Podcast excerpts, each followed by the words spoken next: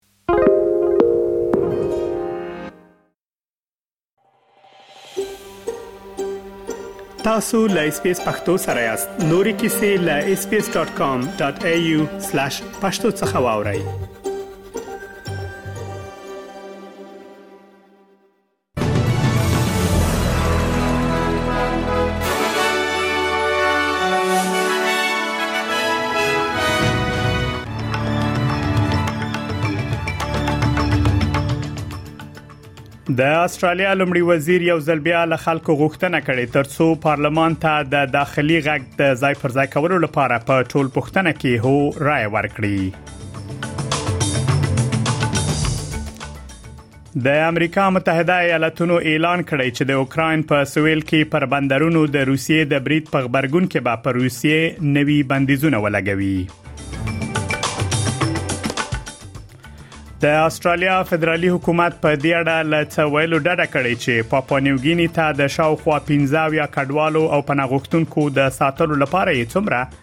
پیسې ورکړې دي او د موسیقۍ صنعت غړي د افسانوي سندرغاړي ټونی بنت لمرګ وروسته غمجن دي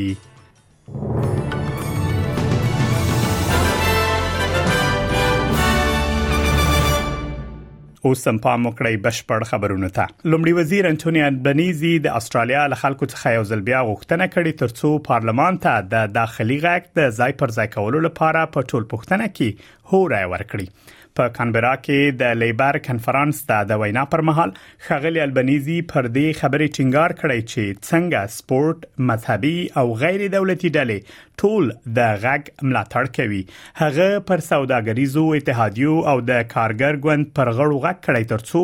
د روان کال په ورستۍ روبه کې د ریفرندم ته تر سره کېدو د مخه کمپاین ته دوام ورکړي هغه وایي تیرونی ولیدل شو چې د دې نظریې ملاتړ د ټولو اړخونو لخوا کیږي We've seen in the last week that this now is an idea backed by people from all sides of politics and Australians from all walks of life, all saying if not now, when? All wanting to walk together on that path of reconciliation that is so important for this country. د استرالیا فدرالي حکومت په دې اړه له څه ویلو ډډه کړې چې پاپانیوګینی ته د شاوخوا 15 یا کډوالو او پناهغښتونکو د ساتلو لپاره څومره پیسې ورکوي ګارډین ورسپانې د اسناد افشا کړی چې د سکاټ موریسل حکومت د 2022 کال په دسمبر میاشت کې له پاپانیوګینی سره پټ اسناد افشا کړی چې حکومت به یاد هیواد ته د پناهغښتونکو د ساتلو لپاره پیسې ورکوي د موریسن حکومت د یا تړون د امضا په اړه اعلان نه دی کړی او د البنیزي حکومت نه غواړي معلومات شریک کړي ځکه د معلوماتو شریکول کېدای شي اړیکې زیانمنې کړي د 2021 کال په دسمبر کې د استرالیا پخوانی حکومت اعلان وکړ چې له استرالیا څخه بهر د کډوالو د پروسس مرکزونه تړلي مګر نه دی ویلي چې د پناغښتونکو د ساتلو لپاره یاد هیواد ته څومره پیسې ورکوي د استرالیا همدارز یو بل خبر ښیي چې د استرالیا لمړي وزیر انټونی البنيزي یو ځل بیا د پخوانی ائتلاف حکومت د غیر قانوني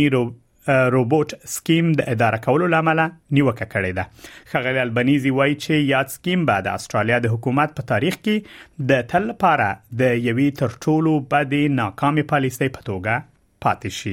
Australia only arrived at the truth about this scheme because of the courage of those worst affected by it, stands in such, such stark contrast to all those who sought to shift the blame, bury the truth, and carry on justifying this shocking harm simply because it suited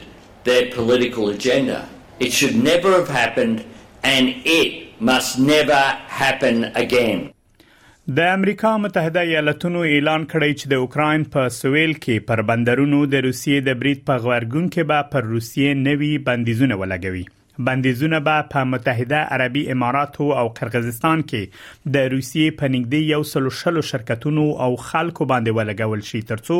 محصولات، پیسو او مالی چینلونو ته د مسکو لاسرسی محدود کړي چې د اوکراین د برید ملاتړ کوي د سپین ماڼۍ د ملي امنیت ویان جان کوربي وای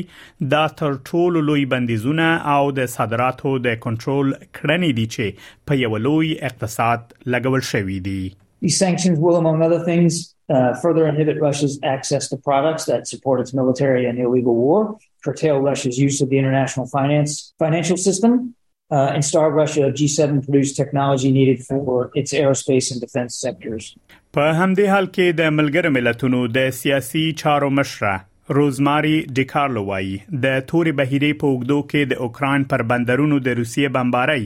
د نړۍ د خوراکي توکو پر امنیت خورا پراخې اغیزې لرلې اغلی ډیکارلو په دیونۍ کې د اودیسا په بندرونو باندې هوایي بریدونه په کلکه غندلې چې مهمه زیربناوې ویجاړې کړې دي او ملکی وګړي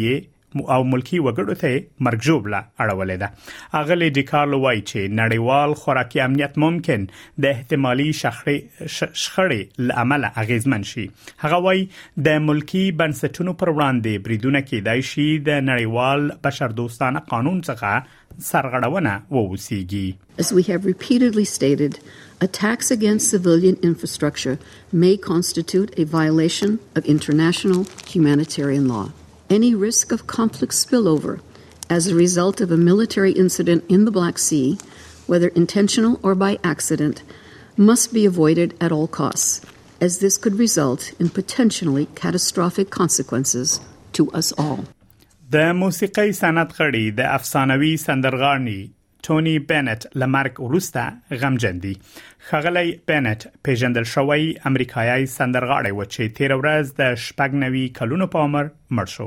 بنت د خپل نرم غږ او په نسلونو او ژانرونو کې له هنرمندانو سره د همکارۍ لپاره پیژندل شوی و د هغه ملګری کورت ایلینګ چې د جاز موسیقۍ سندرغاړی هم دی د نوموړي د هنر ستاینه کوي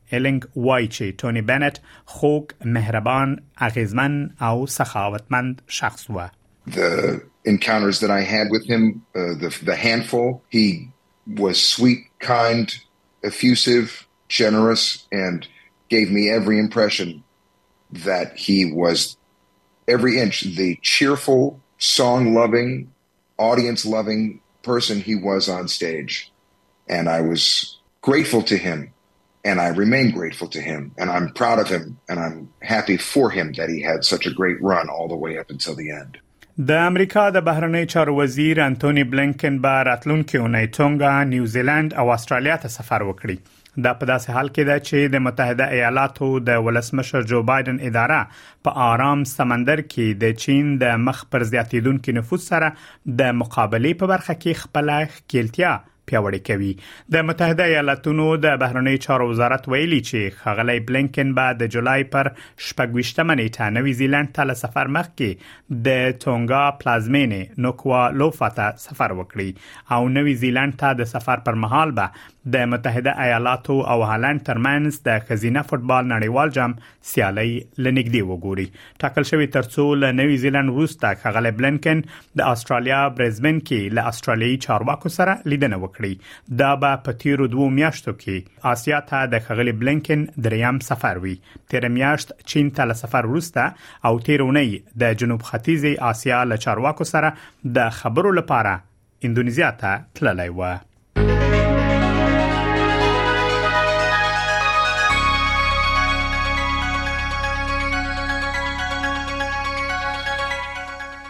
اوس هم پام وکړئ د هوا حالاتو ته په سیدنی کې نیمه ورځ د باران امکان شته د تودوخې لوړه درجه ولس په ملبن کې هم نیمه ورځ د باران امکان شته د تودوخې لوړه درجه 14 په برزبن کې نیمه ورځ د تودوخې لوړه درجه 21 پرت کې ډیره لمر د تودوخې لوړه درجه شل په جلیټ کې ورځ د تودوخې درجه 15 په داروین کې ډیری لمر د تودوخې لوړه درجه 21 کانبرا کې لمر د تودوخې لوړه درجه 15 په نیوکاسل ښار کې نیمه ورځ د باران امکان شته د تودوخې لوړ درجه اتلس او له استرالیا څخه بهر په کابل کې نیمه ورځ د تودوخې لوړ درجه 12 او ټیټه اتلس په پیښور کې باراني د تودوخې لوړ درجه 14 او ټیټه هم 15 دا هم د استرالیي ډالر پر وړاندې د نور اسعارو پای د استرالیا یو ډالر وشپېته امریکایي سنټه یو استرالی ډالر